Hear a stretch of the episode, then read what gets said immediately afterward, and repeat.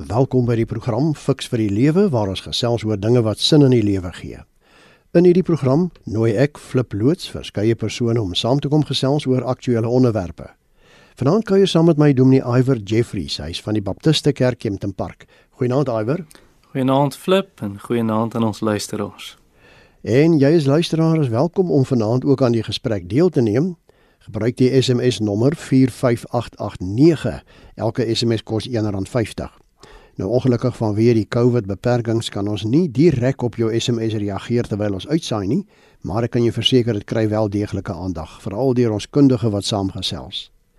Onthou dat hierdie program nie aan jou as luisteraar voorskrifte gee van presies hoe om te lewe nie, maar riglyne waarbinne jy self keuses kan maak. Er is hier stem ook nie noodwendig saam met die opinie van enige persoon wat aan hierdie program deelneem nie. Kerke is hard getref deur die koronapandemie deurdat groot en normale byeenkomste verbied word. Net 'n beperkte aantal persone word ook binne huis toegelaat met die huidige verslappinge die reëls. Nou heelwat kerke het hulle dienste uitgebrei na stroming oor die internet.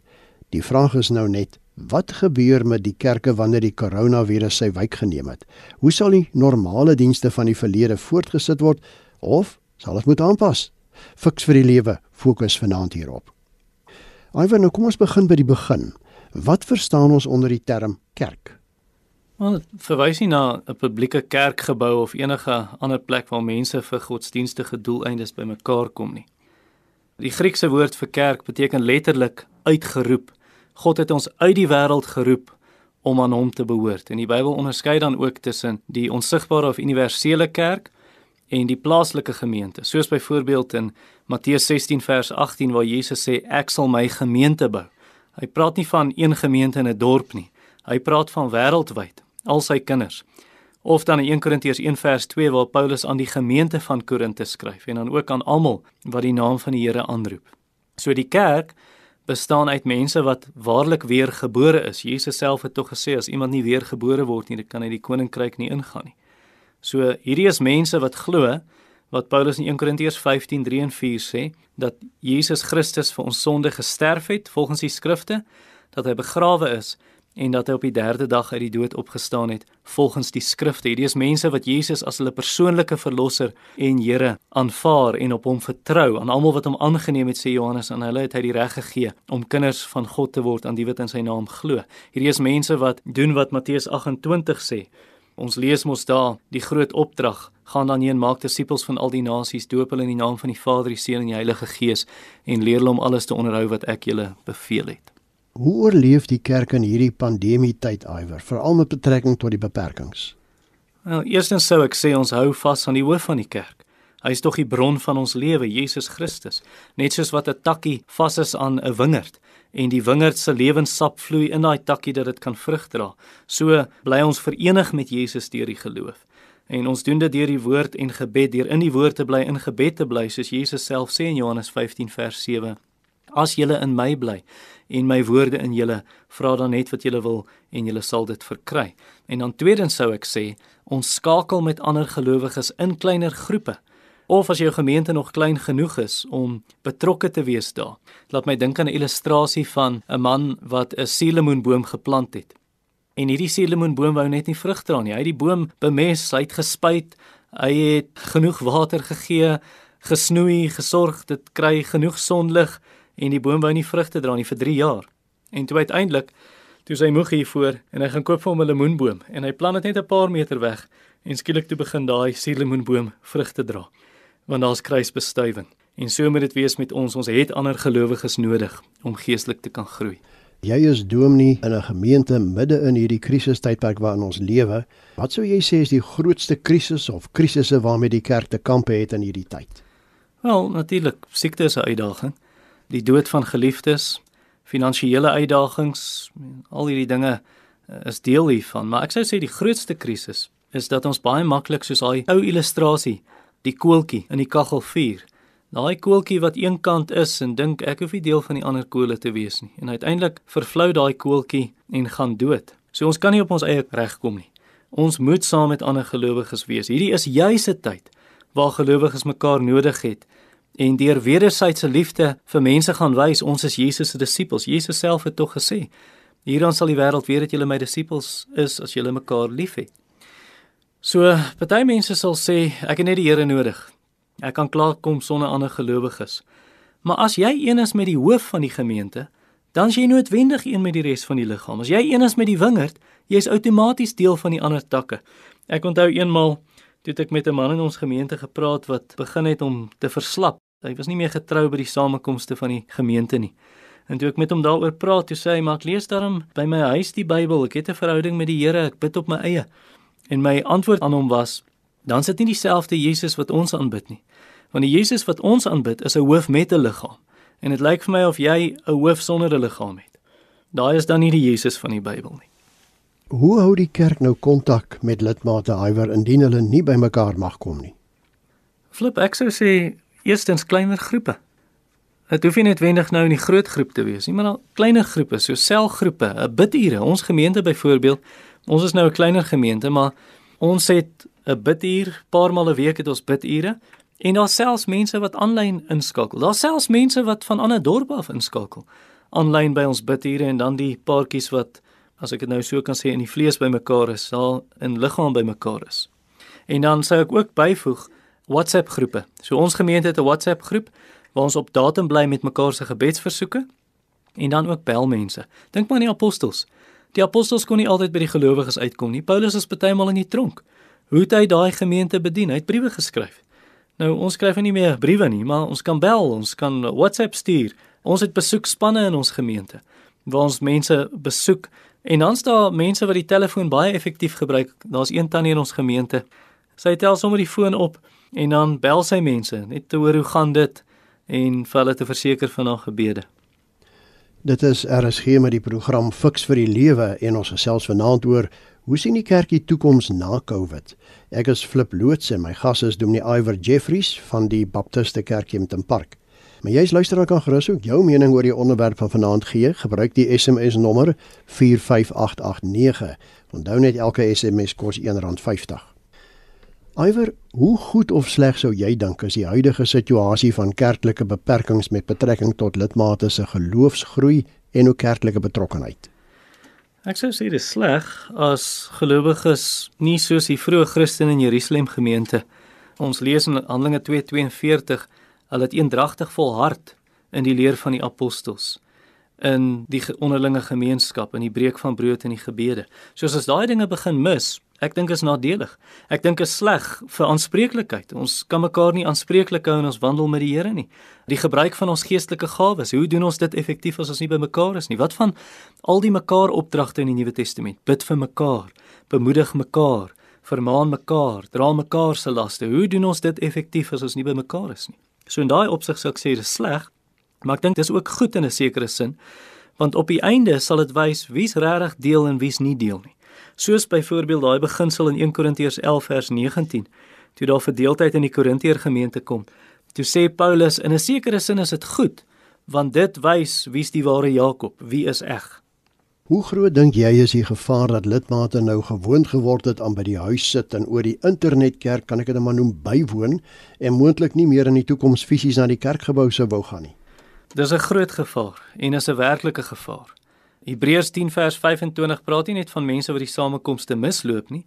Praat van mense wat volgens gewoonte, hulle het in 'n slegte gewoonte verval, gewoonte aangeleer om van die gemeentelike byeenkomste af weg te bly. Die Here wil hê ons moet saamkom. Wanneer is wanneer ons by mekaar is, wanneer ons mekaar se nood raak sien. Ons kan sien wanneer ek daai persoon groet, goeiemôre, en ek kan sien in die persoon se gesig, jy's nie lekker nie. Jy lyk vir my mismoedig, jy lyk hartseer en so aan. Net 'n tydjie gelede, 'n paar weke gelede, tannie in ons gemeente, toe die erediens verby is, toe sê ek vir haar totsiens tannie en toe ek haar groet, toe sê sy bid vir my. Haar man is 'n tydjie terug oorlede, vroeër vanjaar.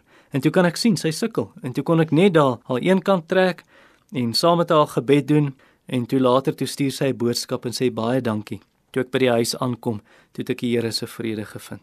En 'n paar dae later toe kon ek opvol en deur die week vir haar bid en vra hoe gaan dit nou? So ek glo dis baie nodig en dis eintlik wanneer ons saamkom wat ons Hebreërs 10 vers 24 doen waar dit sê ons mekaar moet aanspoor tot liefde en goeie dade. Hoe doen mens dit as jy mekaar nie sien nie? Hoe sien jy die kerk vorentoe na die COVID tyd iwer? Sou daar voortgegaan kon word soos in die verlede Of dink jy daar moet aanpassings gemaak word en as daar aanpassings moet kom, watter soort aanpassings? Flip ek sê in 'n sekere sin moet ons gewoon voortgaan. Ons gaan weer moet voortgaan, ons moet saamkom onder die lering van God se woord, saam tyd in gebed hê, saam die nagmaal vier, saam lofgesange tot die Here sing, saam bedien. In 'n ander sin dwing COVID ons om sekere aanpassings te maak. Byvoorbeeld, ons gemeente het nie aanlyn uitgesaai of eers 'n YouTube kanaal gehad voor COVID gekom en ons is gedwing om dit te doen. So aanlyn dienste, bidure en ek praat hier van ou mense wat miskien nie kan kom nie, mense wat sieklik is, mense wat op afgeleë plekke is. En deur aanlyn uit te saai bereik ons mense wat ons andersins nie sou bereik het nie. Nou 'n vraag wat ek nou al 'n paar keer gehoor het in die beperkingstyd vir kerke as gevolg van corona is wat is die doel van die kerk? Veral binne in die kerkgebou in elk geval. Dit lyk asof dit werk oor die internet, so waarom moet eers oorweeg om weer terug te gaan na die tradisionele manier van kerke in die kerkgebou soos jy ook nou gesê het? Wat is jou opinie? Jesus het eendag 'n gesprek gehad met 'n vrou. Hy het by 'n put gesit in Johannes hoofstuk 4. En toe vra sy, "Waar moet ons aanbid?" Die Jode sê by die tempel in Jerusalem, ons Samaritane glo hier by berg Gerizim buite Samaria. En toe vra sy Jesus se opinie, wat dink hy daarvan? Toe antwoord Jesus, God is gees. En die wat hom aanbid, moet hom in gees en waarheid aanbid. Nou dit beteken baie dinge, maar een van die dinge wat dit beteken is, God is oral. Hy is nie beperk tot 'n plek, tot die tempel of tot 'n berg nie. Enige plek waar gelowiges saamkom, daar is die kerk van Jesus Christus. En so moet ons hom aanbid. En is nie nodig vir 'n kerkgebou nie. 'n Kerkgebou is maar net prakties om baie mense te huisves. Byvoorbeeld in Handelinge 5 vers 12, toe die gemeente in Jerusalem nou baie groei, toe ontmoet hulle in die pilaargang van Salomo. En tog sien jy ook in die Nuwe Testament kleiner groepe wat in huise bymekaar kom, soos in Romeine 16 vers 5 waar die gemeente saamgekom het in Priscilla en Aquila se huis. So die punt is net, die liggaam van Christus moet saamkom. Of dit nou in 'n kerkgebou is, in 'n huis, in 'n skoolsaal, onder 'n boom, ons moet saamkom. Dit is RSG met die program Fix vir die Lewe en ons gesels vanaand oor hoe sien die kerk die toekoms na Covid. Ek is Flip loods en my gas hier is Dominee Iver Jeffries van die Baptiste Kerk Kempton Park. En jy is luisteraar, jy is welkom. Gee gerus vir ons jou mening oor die onderwerp. Gebruik die SMS nommer 45889. Onthou net elke SMS kos R1.50. Jy het nou gepraat van die kerk of die gemeente as die liggaam van Christus iwer en volgens die Bybel is dit korrek die Christendom is Jesus se groot familie. Maar tot hoe ver word daardie familie versterk of verswak deur die huidige beperkings op kerke en hoe vorentoe? Dit word verswak deurdat ons nie kan saamkom om mekaar op te bou nie. Aan die ander kant word dit versterk deurdat die woord meer mense bereik. Uiteindelik geen virus of grendelstaat of sterfte kan Jesus keer om sy kerk te bou nie. Geen dood of virus of grendelstaat kan ons van die liefde van Christus skei nie. Jesus self het gesê, ek sal my gemeente bou, die poorte van die doderyk sal dit nie oorweldig nie. Apostel Paulus skryf aan die einde van Romeine 8 dat geen skepsel ons kan skei van die liefde van God wat daar is in Christus Jesus ons Here nie. So wat my betref, die pad vorentoe is soos die ou lied sê bring my die ou ou tyding bring my dieselfde tyding of in Jeremia se woorde keer terug na die ou weer. So bly by dit wat konstant is Jesus in sy woord terwyl alles rondom ons wankel. Jy het nou so 'n bietjie daaraan geraak maar ek wil hê ons moet so effe meer hieroor praat iwer daar's diegene wat beweer dat al die covid inperkingsmaatreëls vir kerke 'n goeie ding is omdat mense wat dalk nooit kerk toe sou wou gaan nie, nou die geleentheid op hulle eie bied deur middel van stroming om die kerk te ervaar as ek dit so kan noem. Reg of verkeerd? My reaksie sou wees reg en verkeerd.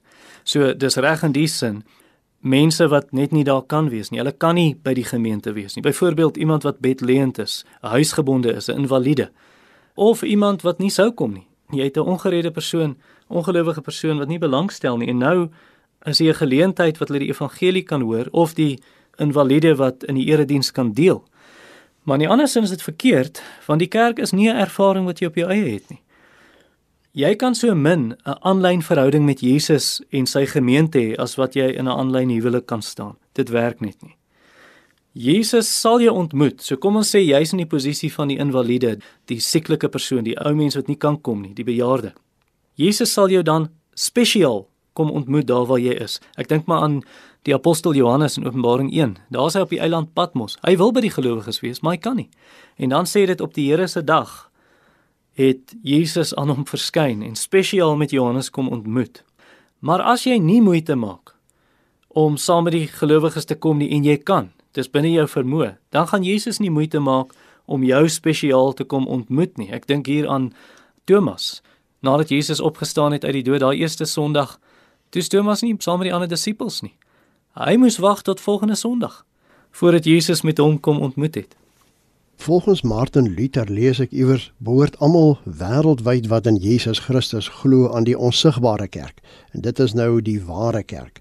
Dis nou mense wat buite tradisionele gemeentes en oor grense heen in Jesus Christus glo.